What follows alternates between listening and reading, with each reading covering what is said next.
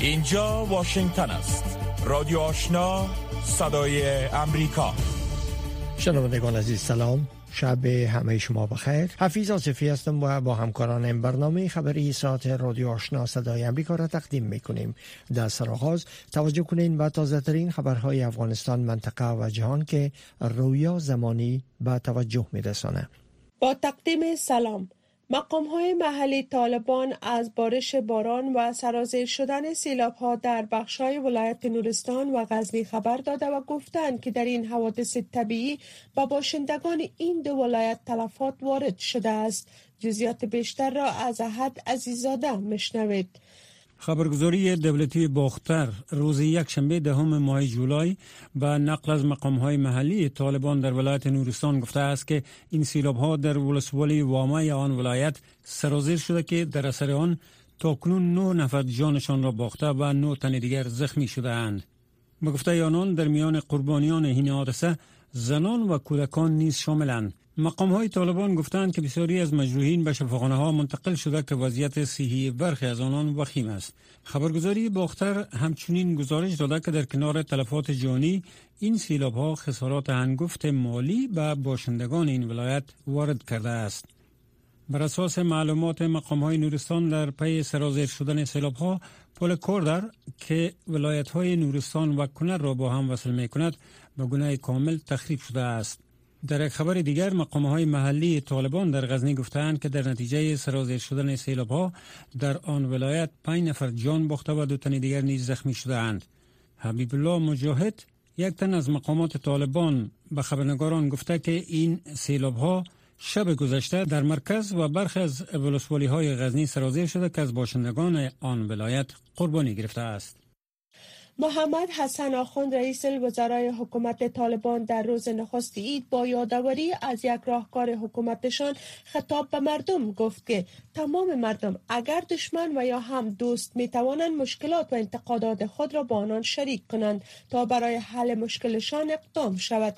محمد حسن آخوند را نیز گفت که در حال حاضر تمام حقوق بشری در چوکات شریعت اسلامی تحت حاکمیت آنان در افغانستان تامین است. چیزی که برخی ها و فعالان حقوق بشر از آن انتقاد کرده و با آن واکنش نشان دادند ماهر مومند عضو رهبری دیدبان حقوق بشر می‌گوید که در حال حاضر حقوق بشر به گونه گسترده در افغانستان نقض می شود.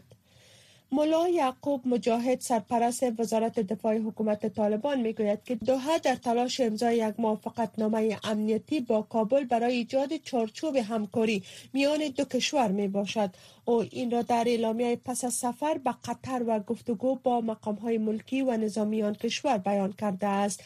ملا یعقوب در مصاحبه با تلویزیون دولتی تحت کنترل حکومت طالبان که روز گذشته نشر شد گفت که او مسوده موافقت نامه را برای تحلیل بیشتر با خود آورده است. پیش از این سرپرست وزارت دفاع طالبان گفته بود که آنها یک اردوی 110 هزار نفری را ساخته و نیاز به حمایت بین المللی دارند. در اعلامیه گفته است که ملا یعقوب از دوحه خواسته است تا ماش ماوار اردوی جدید افغانستان را بپردازد و نیروهای سرحدی آن کشور را تجهیز کند. پیش از این جو بایدن رئیس جمهوری ایالات متحده در نامه به رهبران کنگرس آمریکا نوشته که قصد دارد تا موقف افغانستان را به عنوان متحد عمده خارج از ناتو لغو کند. شما اخبار جهان را از رادیو آشنا صدای امریکا میشنوید. مقام های پاکستانی گفتند که در اثر باران های شدید و سرازیر شدن سیلاب ها ده ها تن در آن کشور کشته و صدها تن دیگر به خانمان شدند. زیالا لانگو یک مشاور امور اضطراری بلوچستان گفته است که 57 تن از جمله زنان و کودکان بر اثر سیلاب ها در این ایالت کشته شدند. بر اساس اعلامیه ایالت خیبر پختونخوا در نتیجه باران های شدید دو تن از جمله یک کودک 6 ساله بر اثر فرو ریختن یک خانه کشته و چهار تن دیگر زخم برداشتند. ژاپنی ها امروز یکشنبه بعد از سرور 16 اب صدر اعظم پیشین کشور که هنگام سخنرانی در مبارزات انتخاباتی هدف گلوله قرار گرفت به پای صندوق های رای رفتند. به نظر می رسد که حزب حاکم ابی در این انتخابات پیروز شود. در حالی که مردم رای می‌دادند پلیس در غرب ژاپن حمله کننده را برای تحقیقات بیشتر به دفتر محلی شهر فرستادند. یک مقام ارشد پلیس محلی روز گذشته گفت که در این قضیه کوتاهی پلیس ژاپن هم نقش دارد که حتی مهاجم توانست به صدر نزدیک شود و به وی حمله کند. در کشوری که هنوز هم در سوگ از دست دادن رهبرشان به سر می‌برند و این رویداد اولین قضیه ترور یک رهبر در آن کشور پس از جنگ است. رایگیری مجلس استفلایان کشور آغاز شده است. آقای به روز جمعه در نارو مورد هدف گلوله قرار گرفته اما به دلیل از دست دادن خون بیشتر و با وجود کمک های استراری نتوانست به حیاتش ادامه دهد. یری لپت صدر اسرائیل روز یک شنبه به خاطرش درور شده به رهبر سابق ژاپن به مردم آن کشور پیام تسلیت فرستاد. آقای لپت که در آغاز نشست هفتگی کابینش به زبان انگلیسی سخن می گفت بیان داشت که هبه یک رهبر بزرگ و دوست بزرگ برای اسرائیل بود و اسرائیل در این موقع دشوار در کنار ژاپن ایستاده است. لپت همچنان از جامعه بین المللی خواستار اعمال تحریم بر ایران به خاطر ادامه برنامه هسته آن کشور شد. در حالی که قرار جو بایدن رئیس جمهوری ایالات متحده هفته آینده به اسرائیل و سپس به عربستان سعودی سفر کند آقای لپت با اشاره به عربستان سعودی گفت که اسرائیل برای عادی سازی روابطش با هر کشور شرق میانه آماده است. سرهی آیدی والی لحانس دیروز شنبه در تلگرامش اعلام کرد که روسیه از چندین جهت به سمت شهرهای این منطقه گلوله باری را آغاز کرده است و افزوده است که نیروهای روسی در همه خطوط مقدم گلوله باری می کنند و تلاش دارند تا شهرهای لوهانس خود را به اولین قریه دونسک برسانند. از سوی دیگر اداره خدمات اضطراری خارکیو دومین شهر بزرگ اوکراین گفته که شش غیر نظامی در حمله راکتی روز گذشته به یک ساختمان مسکونی زخمی شدند. وزارت دفاع روسیه می‌گوید که نیروهای آن کشور دو پایگاه را در نزدیکی خارکیف از بین برده است. اداره استخبارات غربی در هفته جاری گفتند که نیروهای روسی ممکن است عملیات خود را در منطقه دنباس اوکراین پس از ادعای تصرف تمام بخشهای لهانس متوقف کنند.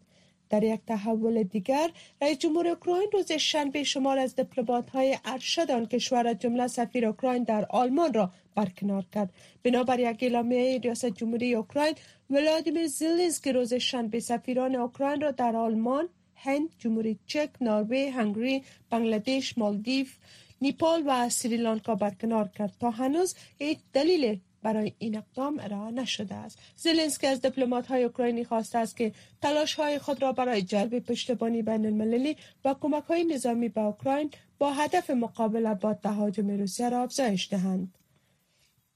احزاب سیاسی مخالف سریلانکا روز شنبه بر ایجاد یک حکومت جدید پس از آن توافق کردند که رئیس جمهور و صدر زمان کشور در یک اقدام نادر پیشنهاد استعفای خود را پیش کردند. این اقدام در حال صورت می که مظاهره کنندگان خشمگین به اقامتگاه رئیس جمهور سریلانکا و صدر یورش بردند و به یک از ساختمان ها آتش گشودند.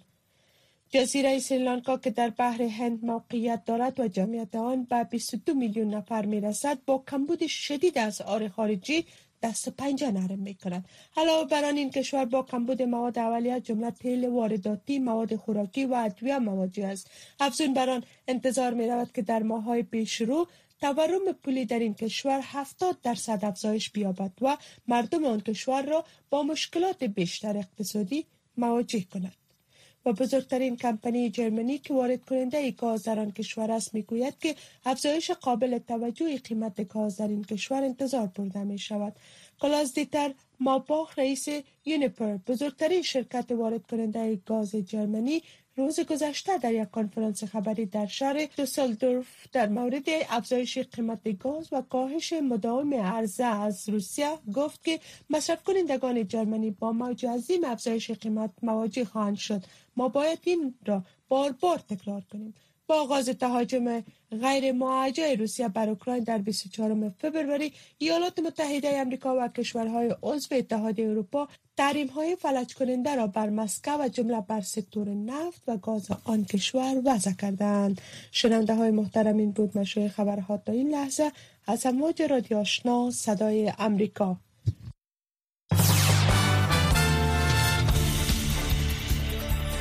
روکو راست. صحبت های داغ صاحب نظران و نظریات شنوندگان در مورد خبرها و مسائل روز هر شام از ساعت 8 تا 9 شب در برنامه مشترک دری و پشتوی رادیو آشنا صدای امریکا. خبرهای افغانستان منطقه و جهان از رادیو آشنا صدای امریکا شنیدین. آل هم توجه کنین با گزارش های ای برنامه.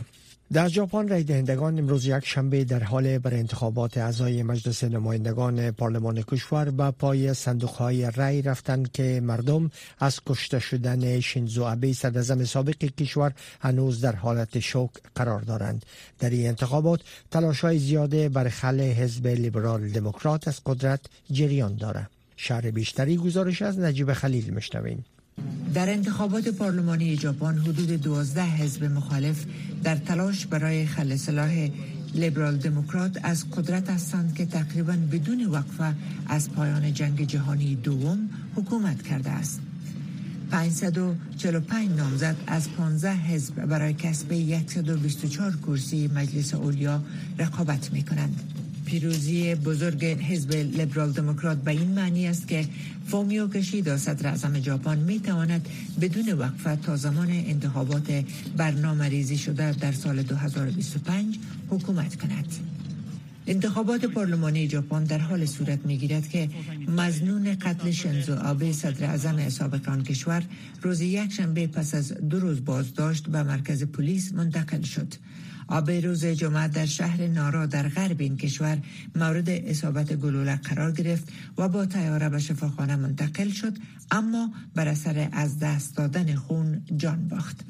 پلیس مردی را که یکی از اعضای سابق نیروی بحری ژاپن بود در محل حادثه دستگیر کرد.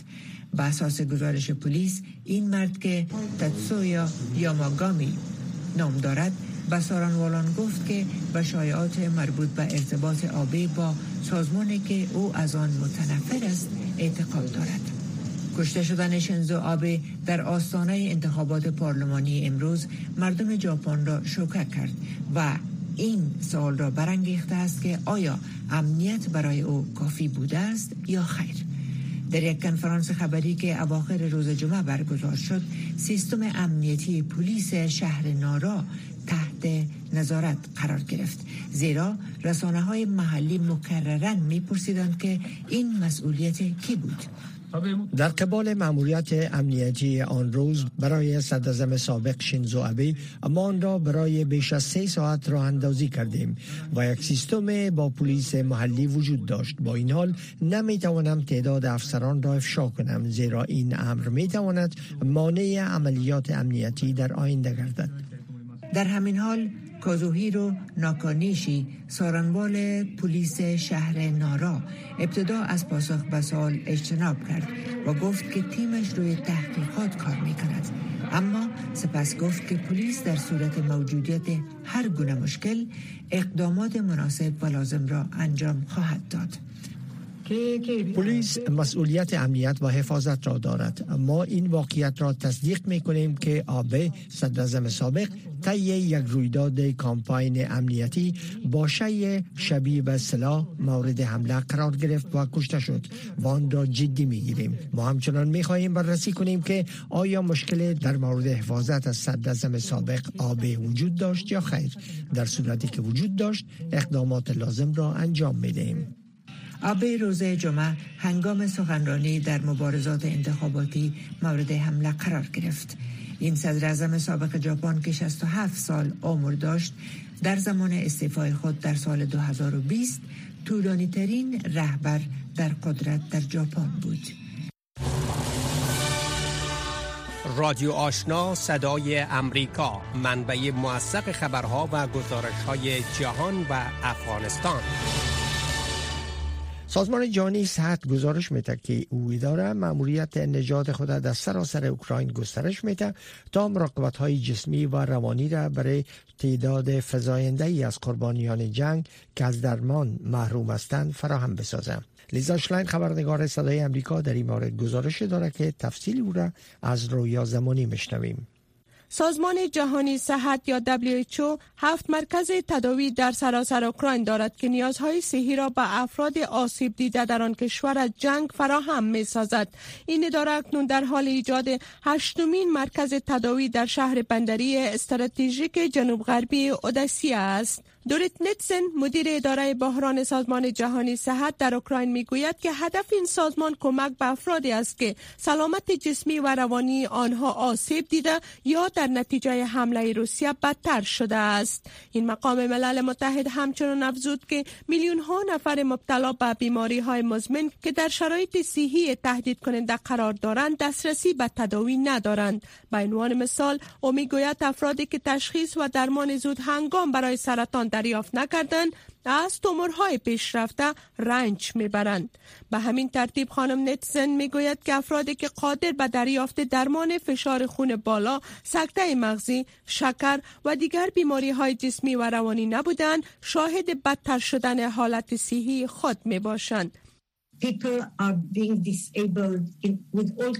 او می‌گوید مردم به دلیل جنگ از انواع معلولیت رنج می‌برند. سر و صدا و بمباران حس شنوایی را صدمه می‌زند. ماین های زمینی عامل قطع عضو بدن می‌شوند و البته ترس غم و اندو و عدم اطمینان همچنان بر سلامت روانی تاثیر داشته است. نتسن تاکید دارد که سیستم مراقبت های صحی در سراسر کشور بیش از حد مزاحم است و می‌گوید که کمبودی زیادی از کارکنان صحی وجود دارد. بسیاری از آنها کشته شدند و شمار هم کشور را ترک کردند و می‌گوید آوارگان داخلی که مجبور به ترک خانه هایشان شدهاند تمام تلاش های خود را برای پر کردن این خالیگاه انجام می دهند و می‌گوید مشکل دیگری این است که بسیاری از مردم که به مراقبت های صحی نیاز شدید دارند به دلیل جنگ برای تداوی رسیده نمی توانند we do not have ourselves are now می‌گوید ما به تمام ساحات دسترسی نداریم. همان طوری که گفتم بسیاری از مناطق در حال حاضر تحت آتش و, و مورد حمله قرار دارند. اگر ما با متخصصین به شفاخانه ها به مردم کمک نشویم ما واقعا نمی‌توان بهترین کار را برای آنها انجام دهیم. بنابراین آنچه ما می‌خواهیم این است که دهلیز های بشر دوستانه ایجاد شود تا به ما اجازه داده شود که وارد عمل شده و از نیازمندان مراقبت کنیم این مقام سازمان جهانی صحت همچنان علاوه کرد که متاسفانه درخواست های بسیاری از سازمان های کمک کننده مبنی بر ایجاد دهلیز های بشر دوستانه به هدف کمک و کمک رساندن به مناطق محاصره شده و خارج از آن با پاسخ منفی همراه بوده است. شنوندگان گرامی رادیو آشنا صدای امریکا نشرات رادیو آشنا را در موج متوسط 1296 موج کوتاه 11575 اشار صفر و در موج 972 کیلوهرتز شنیده می توانید. سارا واحدی برنده نخبترین جایزه تکنولوژی پوانتون MIT امریکا شده. خانم واحدی در مصاحبه با فوز ایسان گفت که اگر موانعی را که طالبان در راه تحصیل آموزش دختران افغان در داخل کشور ایجاد کردند به زودی برداشته نشه استعدادهای دختران افغان به دلیل عدم دسترسی به فرصتهای آموزشی ضایع خود شد. توجه کنین به این مصاحبه. پانتون MIT و مجله MIT تکنولوژی ریویو بسلا بهترین جایزه تکنولوژی هست در دنیا. خودم هیچ باور نمی‌کنم که بر ما این جایزه رو دادن. و بهترین تکنولوژیست که در دنیا هستن در این اوورد گرفته بودن قبلا که یک جای افتخار است برای من که من حیث یک و یک شرکت تکنولوژی افغان که ما در پالوی بهترین تکنولوژیست دنیا هستیم. این نتیجه کدام کار گروهی است؟ کسای امروز کار می‌کنن در این پروژه یا تنها هستیم؟ نه خیلی خودم اصلا اگر ما راستش بگویم ما تقریبا 5 درصد کار پیش می‌برم. در زیر گروه احتساب شرکت احتساب تقریبا نو همکار دارم. که در کابل و در دیگر ولایت ها هستند بالحال و در پهلوی تیم نتلینک تقریبا تیم ما در تا به August 2021 تیم ما تقریبا 22 نفر رسیده بود و اونا که در کابل و در دیگه ولایت ها هستن فی الحال report های امنیت report های بیبرقی سیاست می‌بینن و میپالن verify می‌کنن و برای user های احتساب پیام روان می‌کنن و این موفقیت ها چگونه دست یافتی؟ آیا حمایت فامیلی داری؟ استعداد بسیار زیاد داری که بدون شک داری؟ و یا فرصت ها برات مهیاست؟ برای من بیشتر درس و تحصیل مهم است و از خاطر پولیسی های طالبا که در افغانستان حال دختران قید کردن در خانه واقعا خون ما می‌خواند چون بدون درس بدون تحصیل من هیچ وقت نمی‌تونستم اینجا برسم.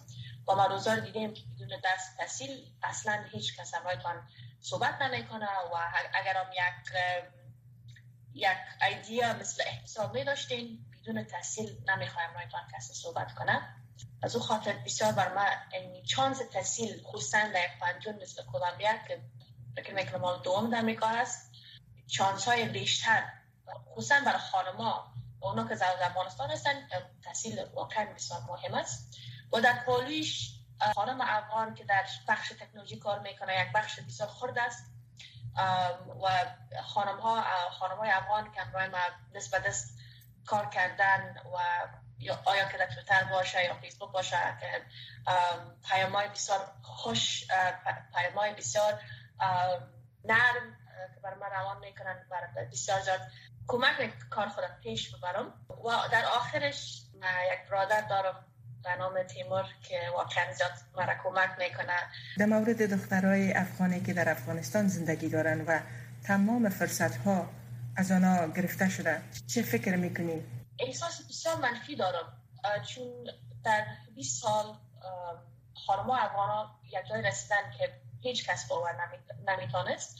خصوصا امرای خارجی که صحبت می‌کنم برشان میگم که ما خانما داریم که در محکمه کار می‌کردن وکیل ها تنها در روز فکر می‌کنم آگست 15 2021 تقریبا 300 خانم بودن که در طرف پاکستان می‌رفتن بهترین مغزای افغانستان بهترین روشنفکرا خانم ها هستن از کشور ما تر شدن و فرار کردن و ما در 20 سال بسیار تغییرات آوردیم که سی فیصد خانما که در پارلمان که بودن در پنتونا که دست می‌دادن که در بخش های تکنولوژی بخش های امنیت بخش های معرف این خانما کلشان خانما پیش می بردن که فلحال هیچ یک تا خانم دیده در شرایط کنونی و با در نظر داشته وضعیتی که امروز دخترای افغان با آن مواجهند از جامعه جهانی و به خصوص امریکا چه انتظار داری؟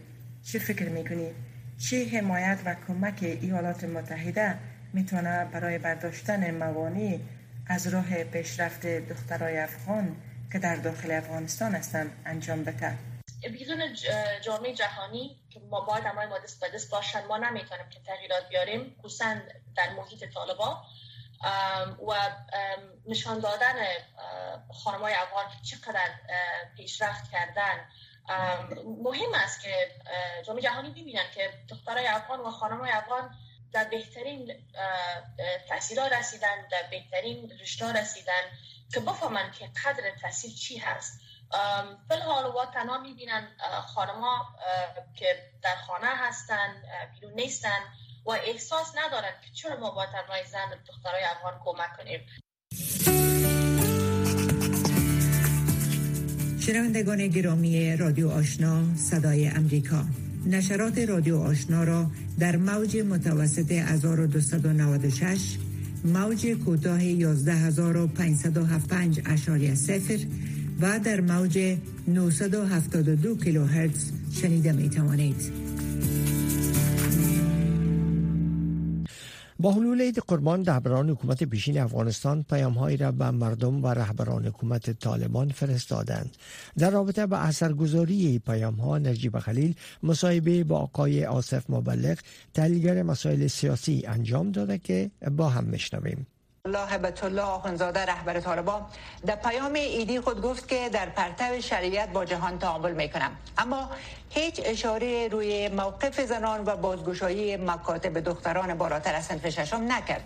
با چنین پیام ها طالبان چی دستاورده می‌تونه داشته باشم؟ فکر می‌کنم طالبان با نگاه قشریگرایانه ای که داره و با قرائت خاصی که از شریعت داره متاسفانه وضعیت را بر مردمان افغانستان مخصوصا بر زنان و بر کسانی که دیگر اندیش هستند در افغانستان متفاوت با طالبان می اندیشن تنگ کرده و اینکه بارها و بارها رهبران طالبان بر اجرای شریعت اسلامی با قرائت طالبانی تاکید می‌کنند. سازنده نخواهد بود و تأیید هست بر که طالبان تمام وقایع افغانستان و دنیا را متاسفانه از چارچوب زاویه دید خودشان می‌بینند. چارچوبی که در اون مصداق حق و باطل معیار هست و آنچه که طالبان خودشان به اصطلاح میپسندند را حق و هر آن نگرش را که در مقابل او قرار داشته باشه باطل تلقی می‌کنند این نوع نگاه هم طالبان را در برخورد با جامعه جهانی دچار مشکل خواهد کرد و هم در میان طیف های مختلف اجتماعی افغانستان با دچار مشکل خواهند شد. و به فکر می‌کنم که نگاه راه بردی و واقع بینانه به مسائل افغانستان نیست. آقای اشرف غنی در پیام تبریکی خود گفت که تنها نظامی که پای مردمی داشته باشه پایدار خواهد بود. شما اظهارات آقای غنی را چه قسم تعبیر می‌کنین؟ خب این گزاره گزاره درستی هست اما از سوی شخصی این گزاره بیان میشه که متاسفانه در حکومت خودش و پایگاه اجتماعی چندان وجود نداشت و بارها از سوی مخالفین مورد اعتراض قرار گرفتن تکروی های خود آقای اشرف بنی احمدزی و بسیار از صلاحیت ها در ارگ ریاست جمهوری به ایشان و دو سه نفر معتمد ایشان خلاصه می شد بنابراین من فکر می کنم که آقای اشرف بنی احمدزی بعد از آن جفایی که در حق ملت افغانستان انجام دادن این روزها در تلاش هستند که اعاده حیثیت برای خودشان انجام بدن. گزاره درست را به کار بردن اما این گزاره از سوی آقای اشرف بنی احمدزی مورد قبول مردم افغانستان نیست. وگرنه واقعیت همین هست که هیچ حکومتی ولو جغرافیا را اگر در اختیار داشته باشه اما مطالبات مردم را اهمیت نگذاره و پایگاه اجتماعی خودش را در درون مردم مستحکم نکنه دوام نخواهد آورد. حالی که نزدیک به یک سال از حکومت طالبان مگذره تا حال هیچ کشور اونا رو به رسمیت نشناخته. طالبان مدعی هستند که تمام شرایط مشروعیت بین المللی را برآورده کردن. اما جامعه جهانی از جمله ایالات متحده از طالبان خواسته که اگر خواهان به رسمیت شناختن هستند همه احزاب سیاسی افغانستان زنان و اقلیت های مذهبی و قومی را در حکومت سهیم سازند. احتمال اتخاذ چنین اقدام از جانب طالبان چقدر موجود است؟ ببینید آنچه که مشکل زا هست هم در افغانستان و هم در ارتباط با جامعه بین المللی چارچوب به نام چارچوب امارت اسلامی هست. به نام نظام امارت اسلامی هست. مردم افغانستان مشکلشان با همین چارچوب و با همین شکل و فرم نظام هست که طالبان برای آنها تحمیل کرده. و هیچ کس امروز در یک شور ملی تأیید نکرده اصول و چارچوب های این نظام را که با او امارت اسلامی اطلاق میشه. بنابراین من فکر می‌کنم اگر طالبان واقع بینانه نسبت به قضاهای افغانستان برخورد نکنند و در نظام سازی به یک شور ملی روی نیاورند رفتارهای پوپولیستی مثل جرگه علما و یا بیعت بخشی از مردم با رهبران طالبان و یا اینکه ما در یک حکومت اسلامی حکومت در یک حکومتی که مردمش مسلمان هستند شریعت را پیاده می‌کنیم مشکل از معضلات اجتماعی موجود در افغانستان از نارضایتی های اجتماعی که در حال گرفتن هست و عدم مشروعیت داخلی و بین المللی نخواهد داشت. شنوندگان عزیز این بود داشته های برنامه خبری که در همین جهت به پایان رسید. اما نشرات پشتو و دری رادیو آشنا صدای امریکا همچنان ادامه داره شنونده رادیو آشنا باشید.